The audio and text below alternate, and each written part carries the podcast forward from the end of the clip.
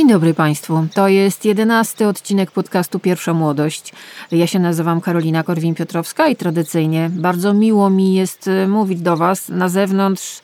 To, co jest na zewnątrz, jest bardzo dziwną pogodą, bo to jest coś, co kiedyś nazywało się w polskim języku przedwiośnie. Potem o tym e, zapomnieliśmy, a to w tym roku jakoś zdaje się wybucha z dziwną mocą. A to wiatry, a to jakaś temperatura dodatnia, a to deszcze zwariować można, więc trzymajmy się ciepło. Ja tradycyjnie zaopatrzona w herbatkę, z tym razem z sokiem malinowym.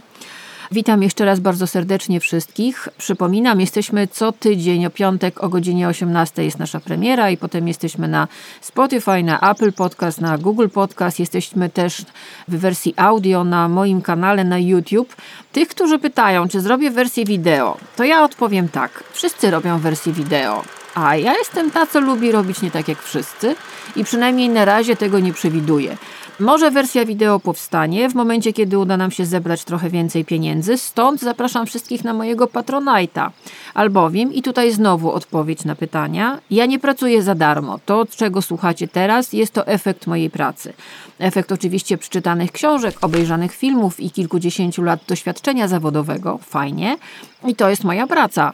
To jest praca mojego wydawcy i to jest praca ludzi obsługujących studio. To jest praca. My pracujemy i my za swoją pracę bierzemy również wynagrodzenia. W związku z tym Patronite jest dla mnie ważny. Nie ukrywam, cieszę się z jego wyników i to jest coś, co mnie też napędza do pracy, bo czasy są trudne i ja sobie doskonale zdaję z tego sprawę. Ostatnio wyjęłam ze skrzynki e, bardzo miłe pismo e, z administracji, które poinformowało mnie o podwyżce czynszu kolejnej.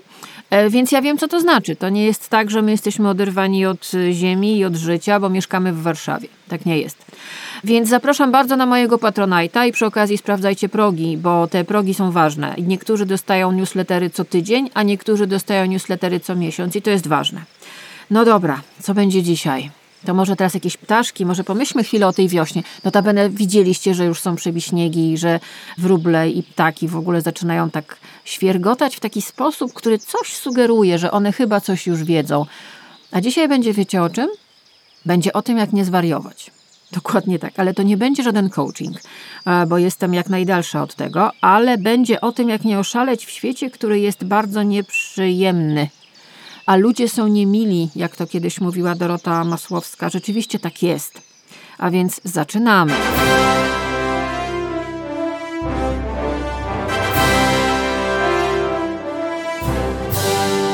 Państwa, rozdano nagrody Grammy, czyli muzyczne Oscary, takie bardzo, bardzo ważne nagrody w świecie muzycznym, które są bardzo cenione. Te charakterystyczne statuetki są obiektem marzeń praktycznie wszystkich, którzy wchodzą do biznesu muzycznego. Tak jak Oscary są e, marzeniem wszystkich, którzy wchodzą do biznesu filmowego, tak e, Grammy jest e, Oscarem właśnie przemysłu muzycznego. No i może w takim razie puszczę Państwu za chwilę fragment, bo powiem tak, jak się wejdzie na YouTube'a, Radzę to czasami robić. Ja zresztą e, bardzo dużo ostatnio oglądam YouTube'a i wolę to niż regularne telewizje. Otóż wracając do meritum. Jak się wpisze w YouTubie w jego wyszukiwarkę Madonna Grammys 2023, to wychodzą nam newsy i fragmenty programów informacyjnych z całego świata. Oto fragment z Good Morning America. Proszę bardzo. Madonna herself bringing that controversy as she stepped out on the Grammy stage, turning heads and raising some eyebrows. If they call you shocking, scandalous, troublesome, problematic, provocative, or dangerous. You are definitely onto something. No proszę Państwa, bo mówi o tym cała Ameryka, mówi o tym cały świat i mówiła też o tym cała Polska i mówi nadal, proszę Państwa, albowiem Madonna, raz tylko powiem ile ma lat, 64. Pojawiła się na rozdaniu Grammys, wręczała nagrodę, zapowiadała występ sama Smitha i Kim Petras. Ubrana była, jak to ona, zwykle fantastycznie, po prostu szpicruta, czarny żakiet, w ogóle kostium genialny, zdarłabym, gdybym mogła, ale ona jest niższa ode mnie, co mi po tym. E, no, ale był pewien problem. Słowo problem biorę teraz e, celowo w cudzysłów, bo dla mnie to nie był problem, bo ja śledzę karierę Madonny od samego początku. I bardzo mi ona imponuje jako, jako kobieta, jako artystka, jako osoba, która jest odważna i była odważna zanim to się stało modne i nie nazywa siebie aktywistką. Ona po prostu robi swoje i tak jak czuje i nie dorabia do tego ideologii. Otóż ona się tam pojawiła na tej scenie i nagle wszyscy spojrzeli na jej twarz. No twarz jak twarz, no ma swoje lata, nie będę mówiła ile już, obiecałam. Zawsze eksperymentowała z wyglądem, ale wiecie, stało się coś, co w dzisiejszym świecie, który tak zmusza nas do politycznej poprawności i mówi nam jak żyć, coraz częściej nam nakazuje, jak mamy żyć. Wielki brat patrzy i ingeruje w nasze emocje, w to, jak myślimy, w to, co lajkujemy w internecie. Jesteśmy sterowani przez algorytmy i mądrzejsi od nas, biorę to specjalnie w cudzysłów, mówią nam, jak żyć. I wydaje nam się, że pewne rzeczy może już są niefajne, cringe'owe, no to nagle się okazało, że twarz Madonny jest problemem. Problemem jest twarz kobiety, która ma ileś tam lat i od zawsze, od zawsze, od samego początku eksperymentowała z wyglądem.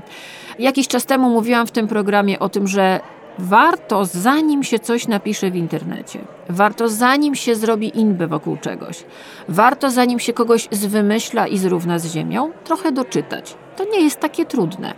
Można wpisać hasło Madonna w Wikipedii albo po prostu w Google i potem kliknąć grafika i wychodzą nam zdjęcia.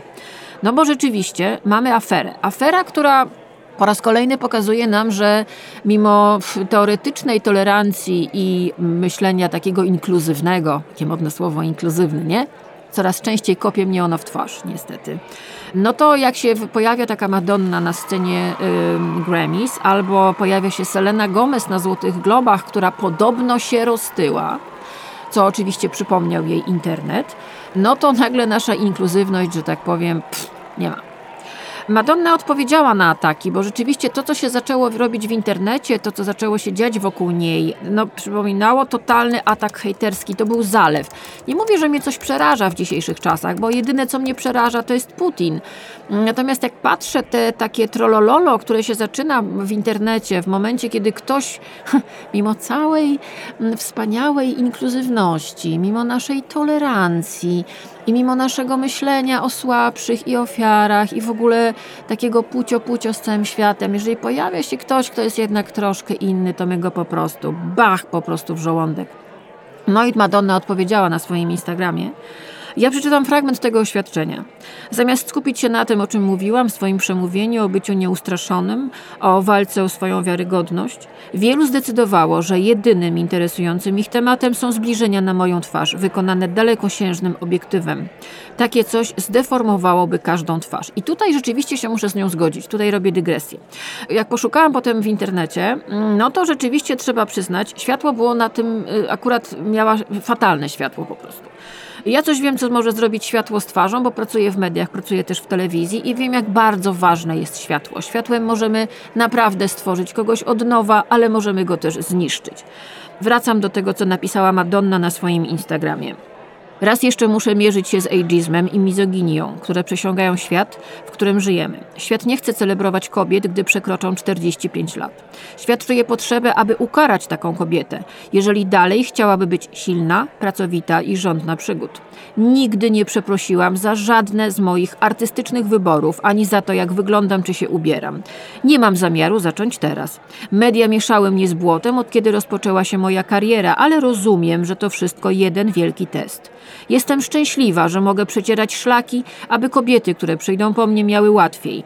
Nie mogę się doczekać kolejnych okazji, aby wykazać się buntowniczym temperamentem, przekraczać granice, przeciwstawiać się patriarchatowi i przede wszystkim cieszyć się z mojego życia. Kłoncie się w pas, suki. Tak napisała na Instagramie. No to w takim razie może teraz na chwilę James Stewart. This is the voice of doom calling. No to proszę Państwa, cofamy się w czasie. Teraz taki rys historyczny. Mamy 22 października 1992 roku. W księgarniach na całym świecie pojawia się książka Seks. Książka Seks której sprzedano e, pierwszego dnia już 150 tysięcy egzemplarzy. E, zdjęcia do tej książki zrobił Steven Meisel, prywatnie przyjaciel Madonny, słynny fotograf. Madonna wtedy ma lat 34, jest globalną megagwiazdą. To są mm, lata 90., czyli rzeczywiście te gwiazdy były wtedy globalne. Nie było chyba nikogo, kto nie znałby Madonny. Madonna jest też jedną z najbardziej hejtowanych wówczas gwiazd w świecie. Wtedy jeszcze nie znano słowa hejt, ale ona prowokowała między innymi teledyskiem Like a Prayer, w którym całowała się z Jezusem. Sam jej pseudonim artystyczny Madonna wzbudzał oburzenie niektórych. Ona nieustannie prowokowała do dyskusji, zabierała głos w ważnych sprawach i prowokacja i skandal e, na długo zanim to się stało modne i na długo przed erą internetu były jej znakami rozpoznawczymi i były no, sposobem wyrażania siebie, swoich emocji, ale też walki o słuszne rzeczy. No i teraz mamy 34-letnią Madonnę, która wydaje książkę pod tytułem Seks. I ta książka, no, uff, powiem tak, to był skandal. To był rzeczywiście skandal. Ja pamiętam, widziałam tę książkę w księgarni w Londynie. Nie można było jej normalnie obejrzeć w księgarni. One były zafoliowane e, żeby nikt nie mógł tego otworzyć. No, ukrywano to przed nami, jak nie wiem, co tak naprawdę miałoby to być. Kilka lat później zobaczyłam ją u mojej koleżanki w domu. Ona miała to i sobie dokładnie obejrzałam.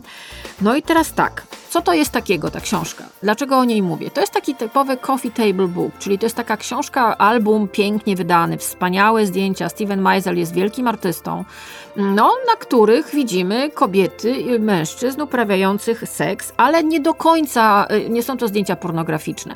To jest totalnie wystylizowane, to jest jakaś opowieść. Między innymi tam się pojawiła Izabela Rossellini na tych zdjęciach, Naomi Campbell, Udo Kier.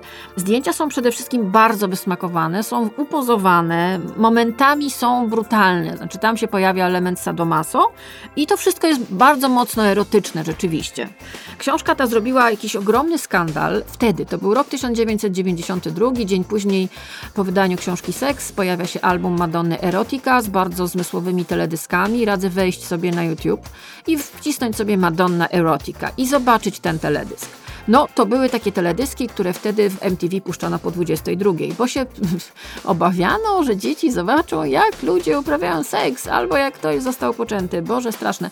A to tak naprawdę też jest rodzaj takiej no, teledyskowej, ale fabuły o spotkaniu kobiety i mężczyzny w różnych konfiguracjach, oczywiście z Madonną w roli głównej, fenomenalnie wyreżyserowane. Madonna miała wtedy bardzo ciekawy wizerunek, takie krótkie, ciemne włosy. Zresztą ona zawsze się przebierała, zawsze eksperymentowała z wyglądem, bardzo ciekawy makijaż. Samo to, że Madonna wystąpiła w takim projekcie, czyniło z niego coś zupełnie innego niż tylko zestaw ładnych, kolorowych zdjęć. Pamiętajmy, to są czasy sprzed internetu. Powtórzę jeszcze raz, to jest rok 1900 1992. Druk rządzi. Mamy gazety dla panów, czyli Playboy, i mamy gazety dla pań, czyli Playgirl. Jeżeli nie kupisz gazety, no to nie zobaczysz sobie nagiej fotki. No, no, to były takie czasy. Ten album stał się w ogóle czymś zupełnie nowym na rynku, co nie znaczy, że oczywiście nie kopiował chociażby albumów ze zdjęciami y, dla dorosłych, wy, wydawanych praktycznie od zawsze, czy pocztówek ze zdjęciami dla dorosłych. Boże, jak dzisiaj pójdziecie na koło w Warszawie, czy na każdy targ staroci, to w dziale z pocztówkami znajdziecie pocztówki z początku wieku albo z międzywojnia, na których niezbyt ubrane panie albo panowie robią różne rzeczy. To zawsze interesuje interesowało ludzi. Nie udawajmy, że tego nie było. No ale te, wtedy, w 1992 roku, rzeczywiście świat nie był do końca gotowy na to, co zrobiła Madonna. Protestowały feministki, żeby było ciekawe, bo uważały, że to jest uprzedmiotowienie. Skąd my to znamy? Protestował Watykan, ale to jak zwykle. Protestowały stowarzyszenia antypornograficzne, media, moraliści. Bardzo wiele kobiet przede wszystkim wieszczyło Madonnie rychły upadek. E, no dzisiaj, z perspektywy 30 lat, lat ta książka uznawana jest za jedną z największych seksualnych prowokacji XX wieku. I te same feministki, które wtedy w latach 90. uważały ten album za zły i za uprzedmiotawiający, dzisiaj uważają, że jako jeden z pierwszych pokazał wyzwoloną, bezwstydną kobiecą seksualność, pozbawioną ograniczeń i zakazów, proszę Państwa. Mało tego, środowisko LGBT uznało ten album absolutnie za swój, bo tam jest motyw takiej miłości również pokazany, bez żadnego wstydu, bez zakrywania, bez blurowania, jak to się dzisiaj mówi. Dlaczego o tym mówię? Mamy lata 90., kiedy Madonna, zanim to się stało modne, jakbyśmy dzisiaj powiedzieli, zbudowała sobie zasięgi na tym, że była kontrowersyjna. Ona na tym oczywiście zarabiała też pieniądze, ale też bardzo wiele traciła. Co nie zmienia faktu, że jeżeli dzisiaj patrzymy na nią w 2023 roku i ona wygląda jak wygląda, dla mnie wygląda super, dla mnie jest wielką artystką, bardzo chciałabym pójść na jej koncert. Może mi się uda jakoś, ale z tego co wiem, już wiem, to jest niemożliwe. Byłam na jej trzech koncertach w życiu. Nie wiem, czy ona jest wielką wokalistką. Wiecie, bo nie zawsze idzie się na wielki koncert na stadion, żeby posłuchać wokaliz. Czasami idzie się, żeby zobaczyć fantastyczne show i ona zawsze daje genialne show. Notabene wieczorem po y, Grammys odtańczyła taniec Wednesday Adams w jednej z dyskotek i to też można zobaczyć w internecie. Jest w świetnej formie fizycznej i wydaje mi się, że da radę z tą trasą. Więc jeżeli teraz widzimy ją z taką, a nie inną twarzą i nagle, co też jest ciekawe, ja czytałam te komentarze, sprawdzałam je w polskim internecie, głównie kobiety ją hejtują. Mm? I zastanawiam się, dlaczego to robią, szczególnie w czasach, kiedy, no, że tak powiem, to kobiety robią sobie gro różnych operacji plastycznych, ale nie o tym. O operacjach plastycznych za chwilę. Wiecie, dwa tygodnie temu mówiłam Wam e, o Sinead O'Connor i o Pameli Anderson, które były ofiarami talk showów amerykańskich i którym zadawano jednej pytania o biust, a drugiej o to, że jest łysa. Oj, bidulka.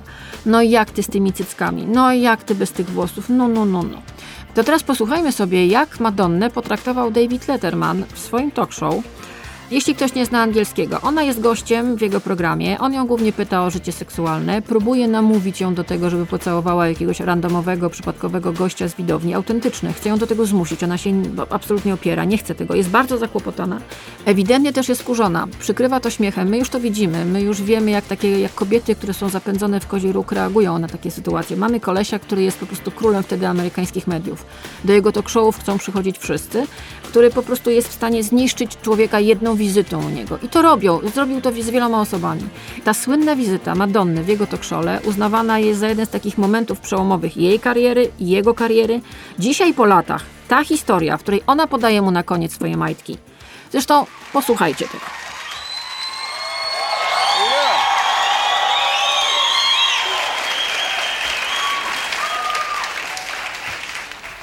I'm only here because there isn't a Knicks game. Don't get excited. Oh, come on. Let's go kiss the guy in the audience. Why don't you go kiss the guy in the audience? Why are you so obsessed with my sex life? As we all know, I have none of my own. Well, Go kiss the guy in the audience. It would knock him out. Look at that guy, just like on the forehead. Just on the forehead. I can't. He's not tall enough. I like that. She said, I, I can't. A lot of people would cave into the pressure and say, oh, all right. They'd go out and kiss him and get it over with. Yeah, well, I've never succumbed to peer pressure. Uh, good for you. That's what we love about you, Madonna. Yes. What brings you? You are a sick.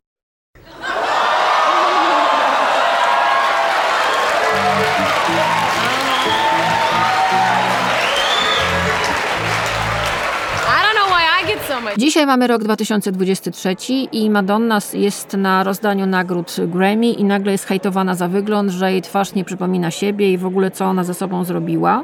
A pamiętajmy, że ona zawsze na koncie miała prowokacje i zawsze e, jakby polem walki było jej ciało i był jej wygląd. E, Nie obcyndalała się z tym i co jest ciekawe, raczej nie, nie udawała że czegoś nie robi. Znaczy, ona była też pionierką wielu em, zabiegów medycyny estetycznej. Mówi się, że złote nici testowane były przede wszystkim na niej. Różne są opowieści. No, wygląda jak wygląda. Ja bardzo chciałabym zobaczyć sobie jej koncert. E, Wiem, że wybiera się w trasę i bardzo fajnie. Myślę, że jest jedną z wielkich artystek, które mają sporo do powiedzenia i przede wszystkim się nie boją. I myślę, że w dzisiejszych czasach, kiedy zewsząd atakują nas reklamy gabinetów medycyny estetycznej, kiedy medycyna estetyczna naprawdę weszła pod strzechy, kiedy reklamują ją na swoich Instagramach dwudziestoletnie dziewczyny, influencerki z Polski, które na przykład jeżdżą na barterowe zabiegi do Turcji, zabiegi obciążone naprawdę ogromnym ryzykiem i wciągają w całą tę spiralę zabiegów medycyny estetycznej swoich followersów, no to wiecie co, ja się naprawdę dziwię, że kogoś dziwi Madonna. To jest przykład tak koszmarnej hipokryzji. Opowiadałam wam niedawno o tym, jak byłam na imprezie i że wszyscy mieli tam nowe nosy i nowe brody. No bo to są mody, które się pojawiają. Ludzie ingerują w swoje ciało. Dopóki nikt mi nie mówi, że to jest piękne, co miało miejsce na początku lat 2000, kiedy wszyscy ocipieli i robili sobie wszystko i mówili: Nie, to miłość mojego męża, nie, to dieta wegetariańska, nie, to spacery, nie, to dieta zmieniająca rysy twarzy, to ja jestem w stanie wszystko znieść. Ale w momencie, kiedy ktoś mi mówi, że to jest po pierwsze dobre i piękne i że to jest to, ten wzór piękna, do którego mamy gdzieś tam, nie wiem, aspirować, jeszcze mnie oszukuje, że na przykład właśnie cała ta historia unurzana jest w oszustwie, bo my z jednej strony hejtujemy Madonnę, Boże, co ona ze sobą zrobiła, a z drugiej strony lajkujemy celebrytki, które wciskają nam bullshit, że nagle urosły im pośladki, bo robiły przysiady. Przecież to jest brednia. Albo nagle mają talię cieńszą o 20 centymetrów, no bo przestały jeść gluten, prawda? A domyślamy się, że albo są na tabletkach odchudzających dla cukrzyków, albo wyjęły sobie żebra, no, albo sobie odessały tłuszcz. One tego nie powiedzą wprost, bo by wyszły na próżne. Nie, one będą wam wciskały kolejne beznadziejne produkty, które mają wam wydrenować konto i mają wzbogacić to konto i utrzymywać takie poczucie, no nie, ona tak wygląda, bo ona dużo ćwiczy i pije sok z marchwi, a w ogóle to naczczo zawsze wodę z cytryną. Brednie. No to jeszcze jedna kobieta. Przed chwilą ta, którą słyszeliśmy, to była Elizabeth Taylor. Notabene też myślę, że ona w dzisiejszych czasach by zwariowała naprawdę w czasach internetu, bo tę to by hejtowali. Jej wahania wagi, jej wygląd, matko święta. No dobrze, no to teraz jeszcze jedna kobieta. Wyobraźcie sobie, że mamy Super Bowl. Super Bowl, czyli faceci biegają za piłką, to się dzieje w Stanach Zjednoczonych. W Polsce to jest tak średnio popularna gra, delikatnie ujmując. Występ na Super Bowl to jest duże osiągnięcie dla artysty. Co ciekawe, artyści nie biorą za to pieniędzy. Organizator pokrywa koszty samego występu, czyli tancerze, produkcja, muzyka, wszystko nagłośnienie. Sam artysta nie bierze pieniędzy. Dlaczego nie bierze? Bo wszyscy wiedzą, że zyska na tym samym występie ogromnie dużo. No bo to jest taki występ, który od razu winduje na listach przebojów, winduje odtworzenia na Spotify'u, winduje wyszukiwarkę w internecie, winduje zasięgi. My dzisiaj walczymy o zasięgi, o lajeczki. Okazuje się, że na Super Bowl wystąpiła Rihanna. Zacznijmy może od tego, że proszę Państwa, według statystyk przekazanych przez Nielsen Fast National i Adobe Analytics wynika, że Występ Riany ściągnął przed telewizory średnio, trzymajcie się mocno, 118,7 miliona widzów, czyli ponad 5 milionów więcej niż sam mecz, czyli Rihanna wygrała ze sportowcami. Potyczki drużyn Kansas City Chiefs i Philadelphia Eagles oglądało średnio 113 milionów widzów, czyli 5 milionów więcej ludzi oglądało Rihanę. No i teraz tak. Rihanna, ciemnoskóra kobieta z Barbadosu, wspaniała dziewczyna, może też niewybitna wokalistka, notabene z tego ją nikt nie rozlicza. Też przede wszystkim, myślę, idąca tropem Madonny gdzieś, bardzo dbająca o wizerunek, eksperymentująca bardzo ze swoim wizerunkiem, robiąca to w sposób naprawdę bardzo ciekawy, trafiająca na bardzo dobrych producentów muzycznych i na pewno bardzo też odważna i szczera, myślę, i też bizneswoman. Notabene w trakcie tego występu ona w pewnym momencie zaczęła sobie pudrować nos i okazało się, że słuchajcie, ta puderniczka to było, teraz ja czytam, to jest kultowy produkt Fenty Beauty by Rihanna Blotting Powder. I słuchajcie, on wyprzedał się, wszystkie egzemplarze się wyprzedały. No więc taki występ na Super Bowl to jest rzeczywiście coś, ale to nieważne. Rihanna wystąpiła i na początku pokazała światu, że jest w ciąży. To jest jej druga ciąża ma partnera, ma z kim to dziecko wychowywać, no to jest nieważne. Jest tak bogata, że stać ją na wszystko. Jest też bizneswoman, jest artystką. Miała przerwę w występowaniu e, świadomą. W sumie wystąpiła przez 13 minut, ale potem internet się zagotował. Jesteś kobietą w ciąży, masz dziecko, nie wypada ci robić pewnych rzeczy versus po prostu śpiewała z playbacku, w ogóle się nie ruszała, o, nic jej się nie chce. Jej kariera się skończyła. Ja widziałam nagłówki w polskich mediach, kariera Riany się skończyła, albo Rihanna się skończyła, bo wystąpiła na Super Bowl, oglądało ją średnio 118,7 miliona widzów. Wygląda na to, że jej program był drugim najczęściej oglądanym występem w historii Super Bowl. Katy Perry w 2015 e, zwabiła przed telewizory 121 milionów widzów, ale to jest nieważne. To jest nieważne, że mm, zrobiła show, to jest nieważne, była w ciąży, nie ruszała się, nie tańczyła się, a w ogóle to ona źle wygląda. A w ogóle to na cholerę, dlaczego nie miała szpilek? A w ogóle to dlaczego ona nie robiła szpagatu na przykład? Czekałam na, taką, na taki głos, hmm, a co by było, gdyby jednak urodziła na tej scenie? Hmm, może powinna po prostu zrobić poród na Super Bowl. I czytam to i mówię znowu, mamy 2023 rok, niby jesteśmy inkluzywni, feminizm, feministki walczą, niby mówimy o prawach kobiet, niby mówimy o tym, że to jest ważne i że naprawdę w tych czasach wyśmiewanie się z dziewczyny, która jest w ciąży, naprawdę wykonuje fajne show. No co ma podskakiwać z tym brzuchem? Ma buty wygodne, bo ma być jej wygodnie. No ma być wygodnie po prostu. No. Zrobiła show, zaśpiewała, oglądały ją miliony. Ludzie, na miłość boską. Czego wy nie rozumiecie? Czytam głosy głównie mężczyźni. Ja przeczytałam na swoim profilu na Instagramie, który zresztą musiałam zablokować komentarze, to co się rozpętało. To, co się rozpętało pod moim postem z występu Riany na Super Bowl, ja siedziałam i zastanawiałam się, w jakim świecie ja żyję, co poszło nie tak, co przegapiłam, bo mamy nagle taką ilość bluzgów pod adresem tej kobiety, ale też nie tylko w polskiej sieci. To było zjawisko kolejne globalne. Była Madonna, teraz mamy Rihanna, wcześniej była nieszczęsna Selena Gomez, która się roztyła. Ale wiecie, po prostu jakaś paranoja. Z jednej strony my pompujemy, e, żeby ludziom do głów, słuchajcie, to naprawdę to, jak wyglądasz, nie jest ważne i nie definiuje ciebie. I naprawdę szanuj drugą osobę. Dziewczyna w ciąży wystąpiła na bardzo poważnym koncercie. Oglądały ją miliony, zrobiła kawał świetnej roboty. Teraz sobie pójdzie spokojnie urodzić dziusia. Czy ona ma obowiązek co roku wydawać płytę, bo ty tak chcesz? Czy ona ma obowiązek w ciąży robić szpagaty, bo ty tak chcesz? Czy ona ma obowiązek skakać na scenie, bo ty tak chcesz? Nie, ona ma święte prawo mieć cię w dupie.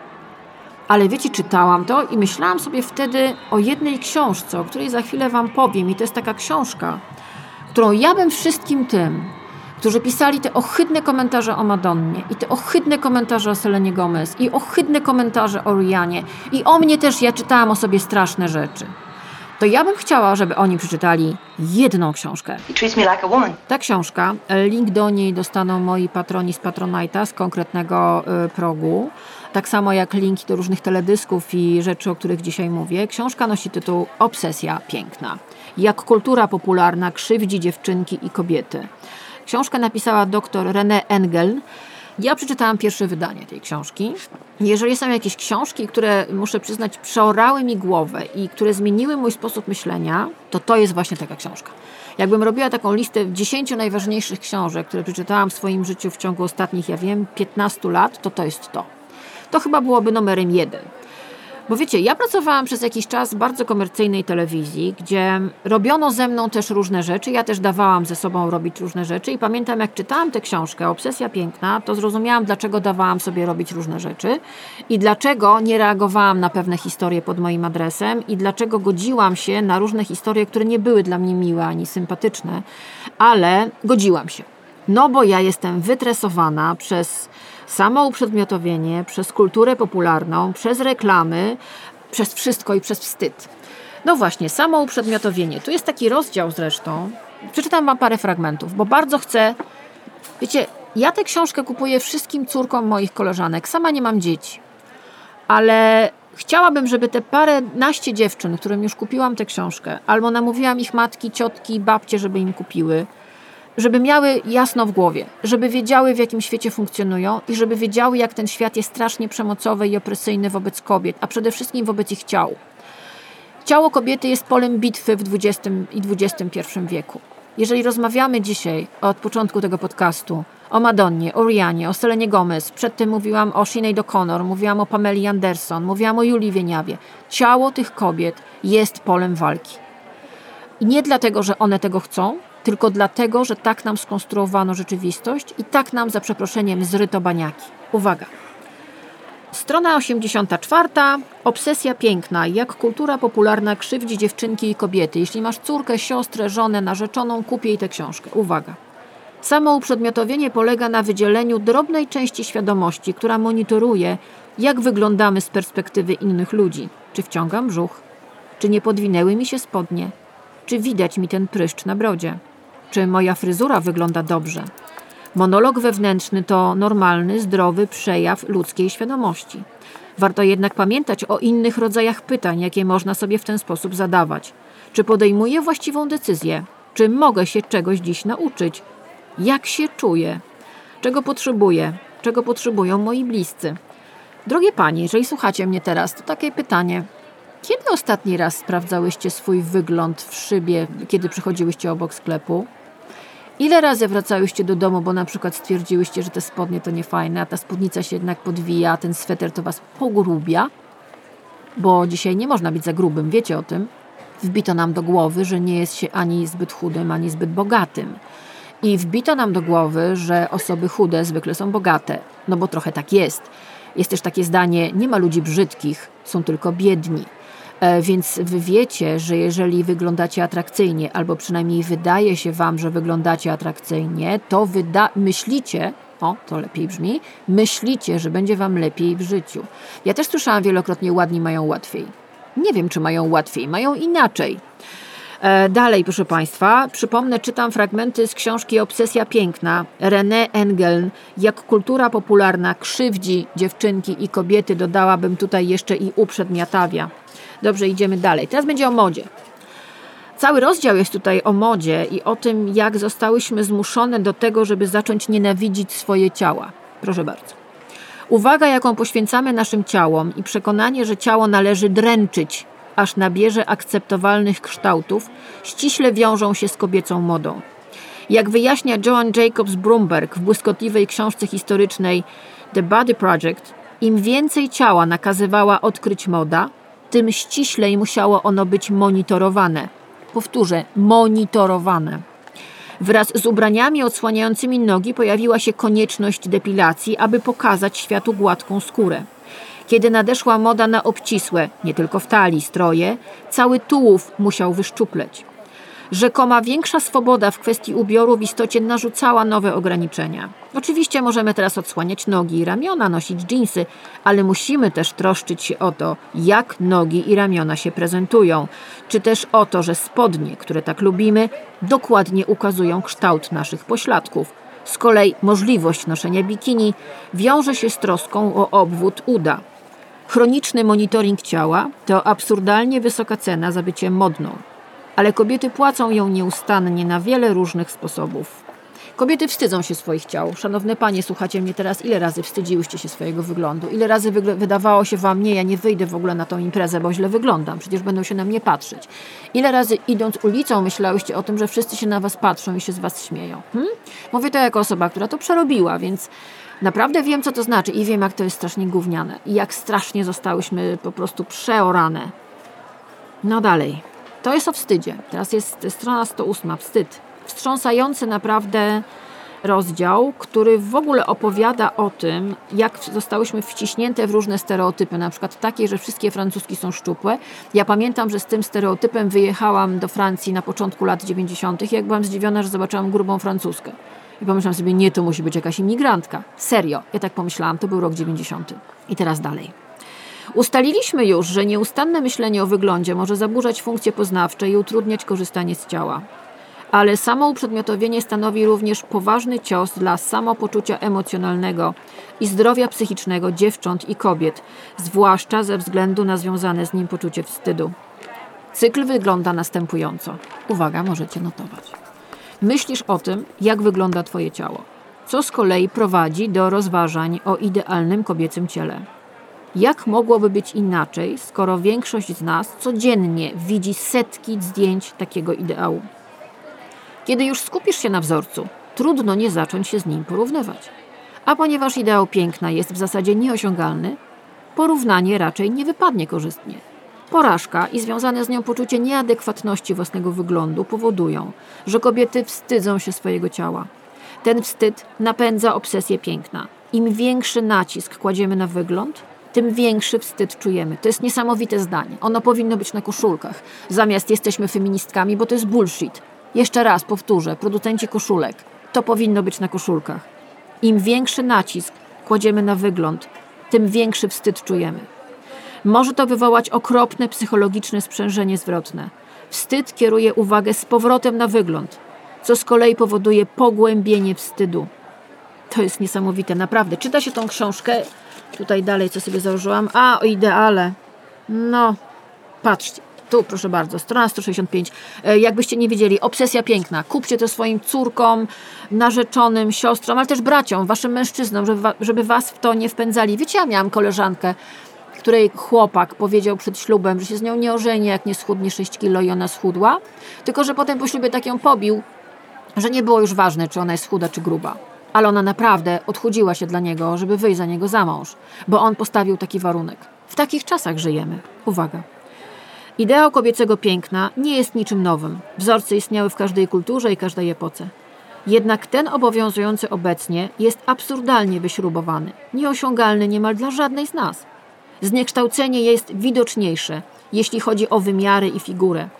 Idealna kobieta jest bardzo szczupła i długonoga. Posiada przy tym duży biust i krągłe pośladki, ale nie może mieć widocznego celulitu. Ostatnio ten niedorzeczny standard został wzbogacony o wyraźnie zarysowane mięśnie. Trudno znaleźć kobietę, która jednocześnie spełniałaby wszystkie powyższe wymagania. Przeważnie nie udaje się to nawet celebrytkom podziwianym za swoją urodę.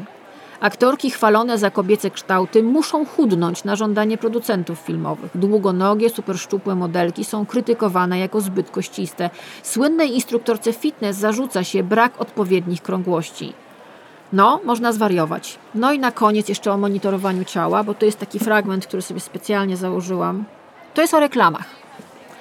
Jesteś tego warta, tak? You bet it's new. No brushless can shave a man cooler, closer, quicker, easier than this. New Men in Brushless Shave with Menthol. Kup sobie kolejny krem, kolejne mazidło. Wiecie, ja też kiedyś wpadłam w taką spiralę. Miałam chyba ze cztery półki peelingów do ciała. Naprawdę. Do tego jeszcze miałam wszystkie maści, olejki, kremy, mgiełki do ciała. Cudawianki, naprawdę. Wydawałam na to kupę hajsu, bo ja mam bardzo suchą skórę, bardzo wrażliwą i bardzo skłonną do podrażnień. W związku z tym moje życie z tą skórą przedstawione mi było przez wszystkich jako absolutny horror. No bo wiecie, łatwo nie jest, ale to nie jest powód do tego, żeby wkręcać takie osoby jak ja, jaką ja byłam przez lata, do kupowania po prostu worków kosmetyków, które nic nie dawały. Absolutnie nic nie dawały. No i te reklamy, ojej, jak ta skóra się łuszczy, nie wychodź z domu, bo ci się skóra łuszczy, a tutaj masz po prostu za suchą skórę. Posunęłaś się już w ogóle o siebie, nie dbasz, fuj, wielory. No właśnie. Proszę bardzo, tu muszę oderwać karteczkę, bo sobie zakleiłam. Uwaga, teraz ostatni już cytat z książki Obsesja Piękna, strona 247. Każda z kampanii opartych na komunikacie Jesteś piękna sprawia, że kobiety myślą więcej o swoim wyglądzie. Hmm? Dobre, nie? Tak, bo są teraz takie kampanie, słuchajcie, które nam pokazują, nie, my was wszystkie kochamy, we wszystkich rozmiarach, jesteście super. I stare, i młode, i możecie mieć siwe włosy, i możecie mieć tu opadnięte albo takie, śmakie, owakie, możecie mieć suchą skórę. I możecie nawet mieć celulit. Kochamy wasze boczki, Boże, jakie wy jesteście cudowne. Jesteście piękne. Mhm. Czyli kupcie nasz krem. Czytam dalej.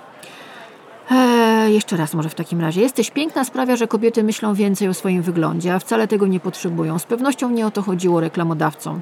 Ale ich dzieła zachęcają do monitorowania ciała i samouprzedmiotawiania.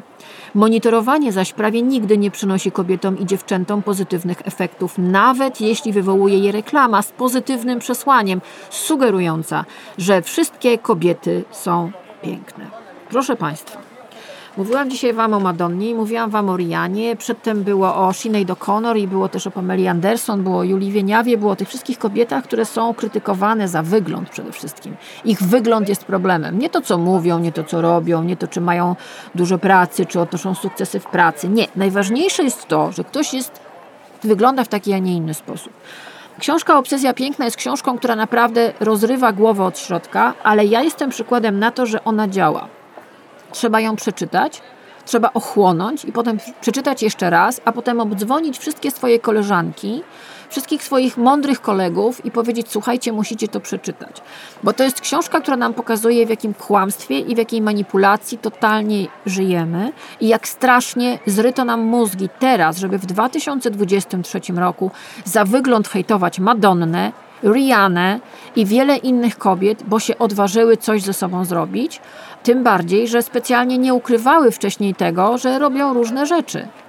Co innego polska celebrytka, która wciska wam kocopały, mówiąc, och, bo ja tu piję taki soczek, to macie kod, minus 20% Kasia i dzięki niemu mam teraz taki prosty nos.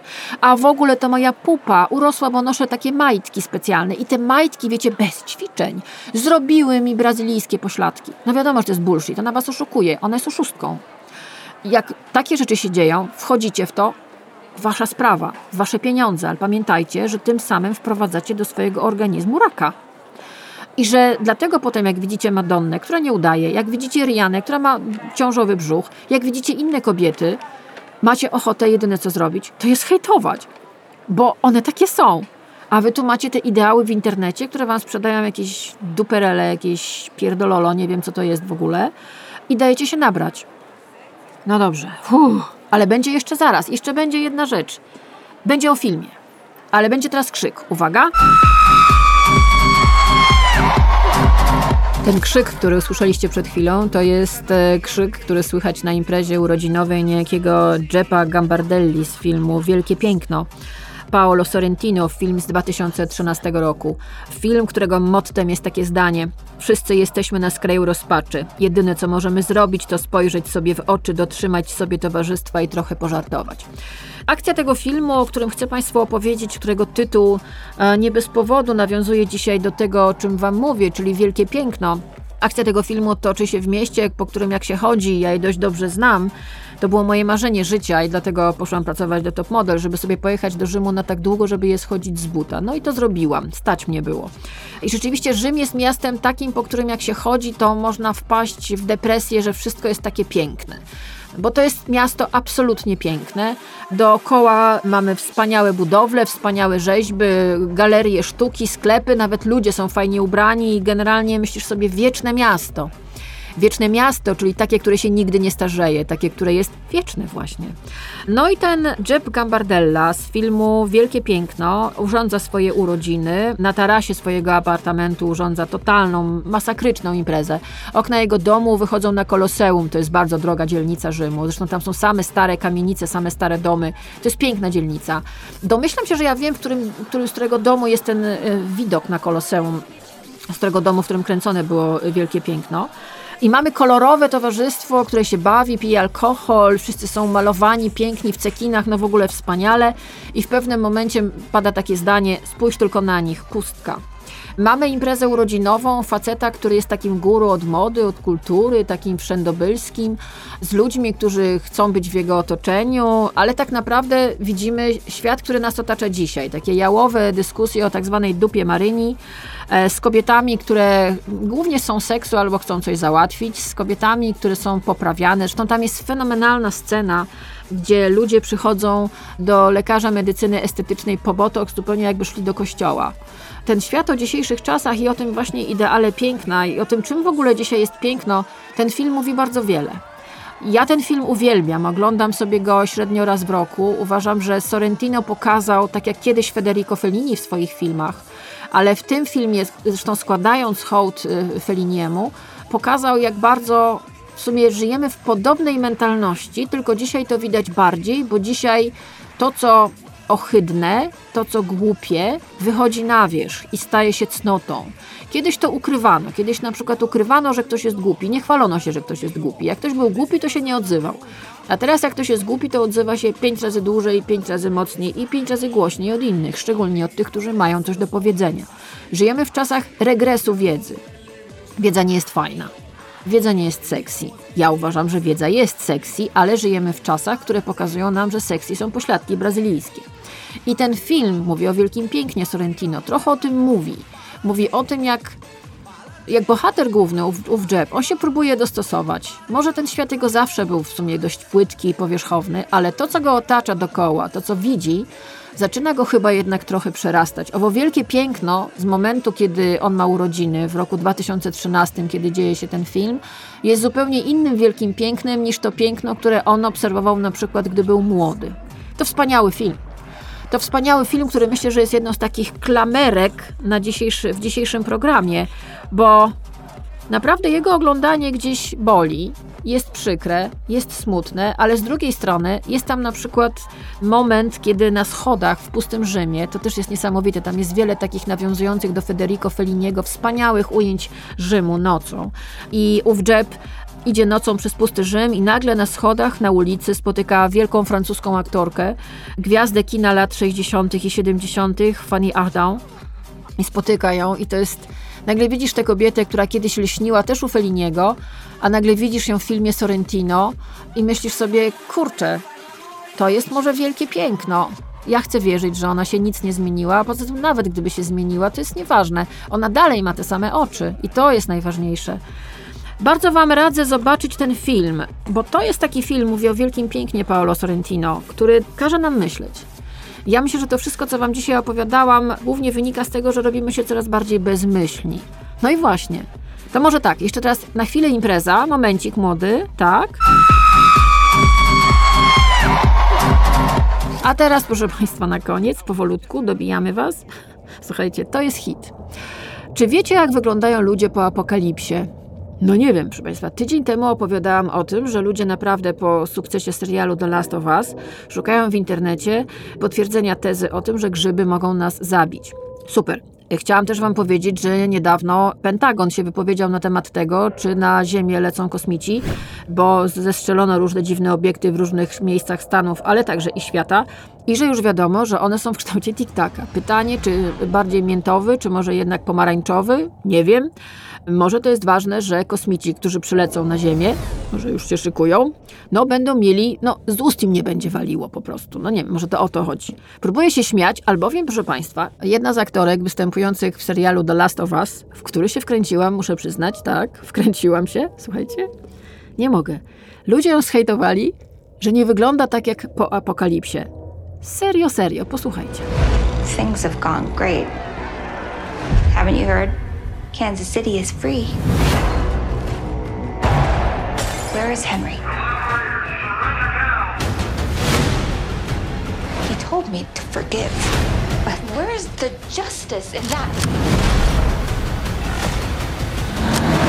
It ends the way it ends. Proszę Państwa, ten głos żeński, który słyszeliśmy, należał do niejakiej Melanie Linsky, Kathleen z The Last of Us.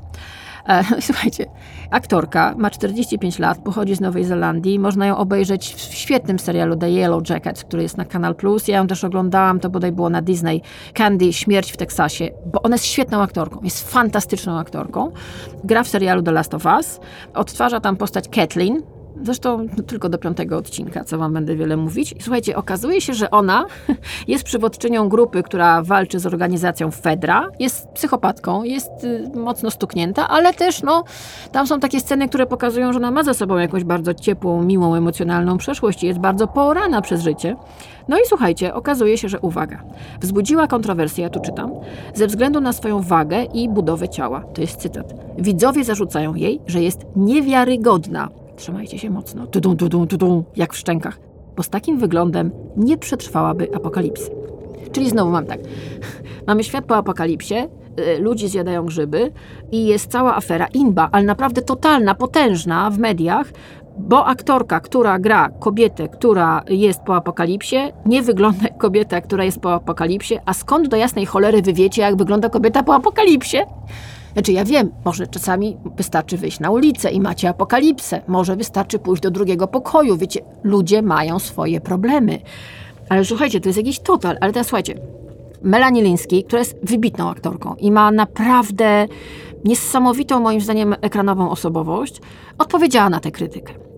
I ona pisze tak, między innymi wspomniała, że kobiety na kierowniczych stanowiskach są bardzo często oceniane poprzez wygląd i ma rację i wytyka się im na przykład emocje albo piskliwy głos, mówienie zbyt cicho lub za głośno, okazywanie emocji albo zbytnią powściągliwość. Ja mam na przykład ksywkę, że jestem emocjonalna. Hmm? Kto o tym mówi? Głównie mężczyźni, ale mam też parę koleżanek, które mi zarzucają, a bo ty jesteś taka emocjonalna. Idziemy dalej. Liński na Twitterze pisze, że to, co ją ekscytowało w tej postaci w scenariuszu, to wizja, że w przyszłości będziemy słuchać ludzi, którzy mają najlepsze pomysły, a nie do końca wyglądają jak królowie testosteronu. No właśnie. Siła tej postaci, jak ona pisze, nie leży w wyglądzie, tylko w innych zaletach. Organizatorka, osoba, która wie, co gdzie jest, osoba, która planuje, osoba, która umie robić wiele rzeczy jednocześnie, ta, która podejmuje decyzje. No właśnie. I pisze dalej: Chciałam, by była kobieca, łagodna i wszystkim tym, co do tej pory było uważane za słabość, napisała. Słuchajcie, nawet modelki ją atak- atakowały. Naprawdę modelki, niejaka Adrian Carey, według niej Kathleen za bardzo przypominała kogoś, kto cieszy się luksusowym stylem życia. W domyśle nie ma muskulatury przywódczyni, albowiem przywódczyni, proszę Państwa, musi mieć bicek. Super, super. Ręce opadają, proszę Państwa. No, ale żyjemy w 2023 roku. Mówię Wam, obsesja piękna do przeczytania. To może już powoli kończmy, ale jeszcze coś? I mean, there's lots of beautiful women in this bar, your friend included. Hi. I love you. But I can't take my eyes off of you. That's a fact, it's not a lie. I find you very attractive. Do you find me attractive? She does. I don't. You do. She does. Yes, she does. I, do, I don't. You do. You do. I don't. Anna, can I buy you a drink? No. You say no a lot, don't you? No. Oh boy. To, czego słuchaliście, to było, był fragment filmu Kocha, lubi, szanuje, Ryan Gosling i Emma Stone, bo skończy, idziemy już do końca i słuchajcie, warto czasem poczytać gazety, znaczy nie wydaję już na pisma kobiece, bo mi się nie chce, po prostu mnie to obraża, ale słuchajcie, kupuję sobie regularnie bardzo fajną rzecz, niektórzy tak może spojrzą na to, o Jezu, słuchajcie, miesięcznik Znak, Poszłam ci ja do kiosku, kupiłam sobie, bo na okładce było jak wzmacniać odporność psychiczną. Na początku tego podcastu powiedziałam wam, że będzie też o tym, jak przetrwać. Ja nie będę wam mówiła, jak przetrwać, bo ja sama nie wiem, ale to jest temat przewodni i tam jest naprawdę kilka bardzo fajnych rzeczy. Występuje między innymi Ewa Wojdyło, ale tutaj właśnie robię tutaj, o, to tak brzmi gazeta. O, tu są kartki gazety, bardzo fajnie wydane, miesięcznik Znak i uwaga, jest na przykład coś takiego. 20 rad, jak zadbać o odporność psychiczną, gdy wokół dzieje się zło. Bogdan de Barbaro, czyli absolutny geniusz, człowiek, który naprawdę wie o czym mówi, jest psychiatrą, jest psychoterapeutą, jest emerytowanym profesorem zwyczajnym Uniwersytetu Jagiellońskiego i naprawdę wie, co mówi, w przeciwieństwie do 99% coachów z internetu. Tak, jestem brutalna, tak, nie jestem inkluzywna i mam to w dupie, ponieważ uważam, że nie wiem, kim trzeba być i jak trzeba mieć narobione w głowie, żeby bez y, wykształcenia, bez doświadczenia mówić innym, jak żyć. Naprawdę. Mamy pana Bogdana de Barbaro, strona 32 i nie będę wam czytała wszystkich 20 punktów. Dostaniecie linka moi patroni z Patronite'a do zakupu tej gazety. Ona jest normalnie do dostępu w Empikach. Nie wiem, czy we wszystkich kioskach, ale słuchajcie, znak miesięcznik. Warto sobie w ogóle przeczytać na przykład wywiad z Ewą Wojdyło. Wspaniały. Zresztą Ewa Wojdyło w ogóle jest wspaniała.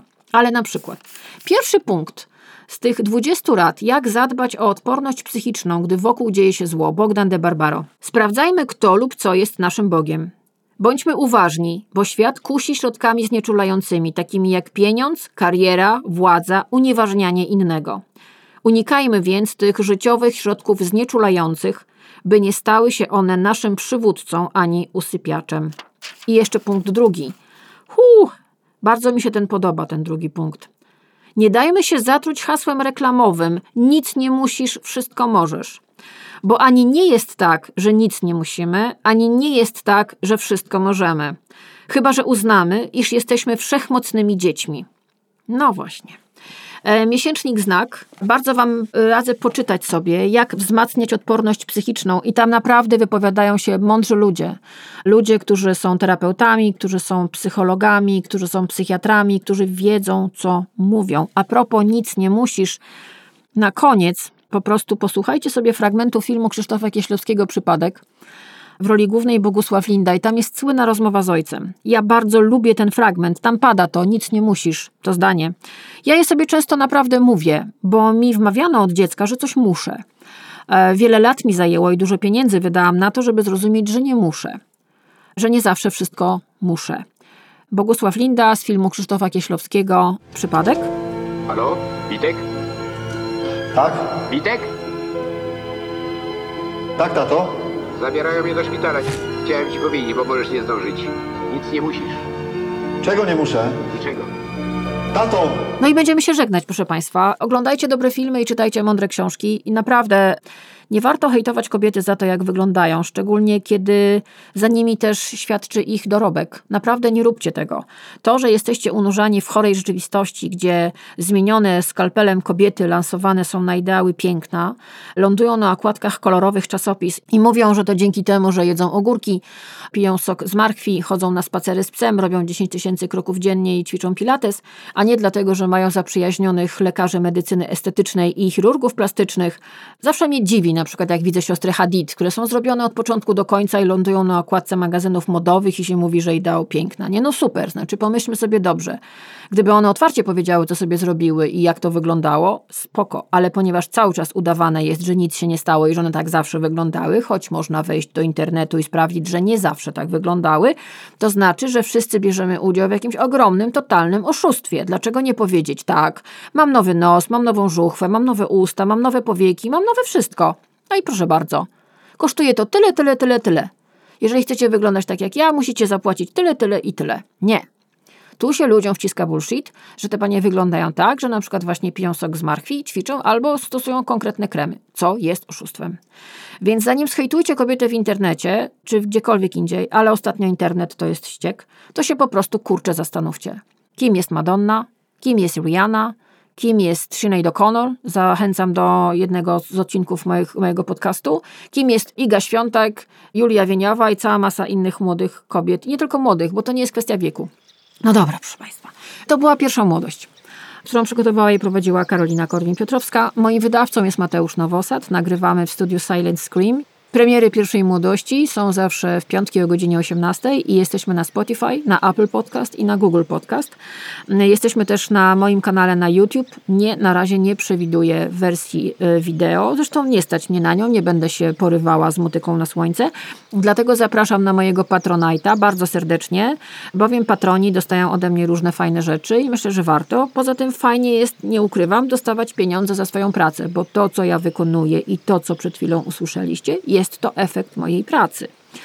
Przypomnę też, że sponsorem naszego podcastu jest The Candle Dust, czyli producent y, świec ekologicznych. Zapraszam na ich profil na Instagramie. E, Zresztą link e, podam na moim profilu na Instagramie. Oni sponsorują e, mój podcast i bardzo im za to dziękuję. No i co? No i będziemy się żegnać. Słyszymy się za tydzień. Premiera jak zwykle w piątki o godzinie 18. I na koniec z filmu Noc w Muzeum. Tak pomyślałam sobie, że to będzie idealne. Robin Williams. Do usłyszenia za tydzień. I have no idea what I'm to do tomorrow. How exciting.